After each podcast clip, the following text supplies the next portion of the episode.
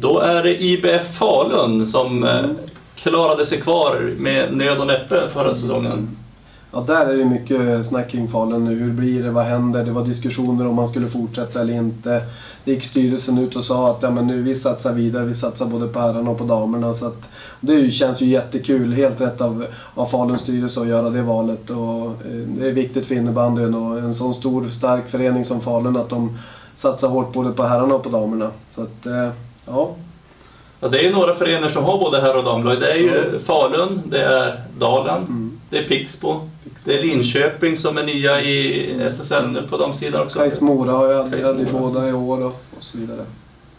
Eh, Tittar man då spelarsidan så den schweiziska målvakten Helene Bircher har väl signalerat att de kanske ska flytta hem. Vad vi kan läsa av i tidningen och så vidare. Det är lite osäkert i alla fall. Mm. Hon har väl varit första målvakt större delen av säsongen i alla fall. vad jag har hört att det är lite osäkert kring båda schweiziskorna. Så att, eh, ja, vi får se. Sen systrarna Lindgren, Hanna och Frida Lindgren har ju varit jätteviktiga för Falun i det offensiva spelet. Mm. Riviga, frejdiga spelare.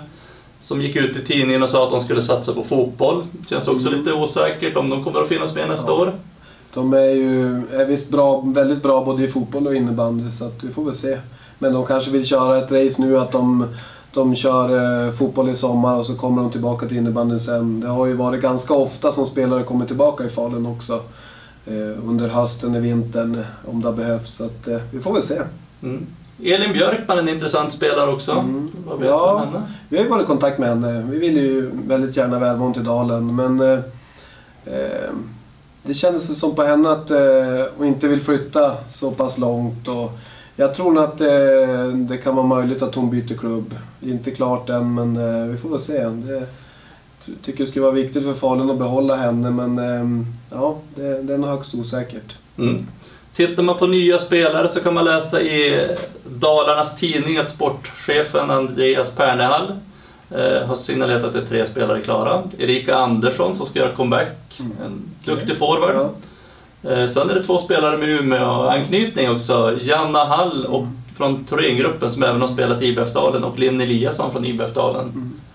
Ja, Linn har gjort det jättebra i IBF Dalen. eh, Var en duktig spelare så att eh, jag förstår att Falun är på henne och få en hårt jobbande forward där eh, till sin trupp och som det ser ut nu så behövs det absolut. Så att, jag vet inte om det stämmer om hon är klar eller inte. Jag har hört lite andra rykten också men eh, ja, vi får väl se. Janna Hall har ju varit Torén tidigare hos oss och hårt jobbande toppforward som, eh, som också borde kunna slåss om en plats där i laget. Så att, eh, ja, vi får väl se.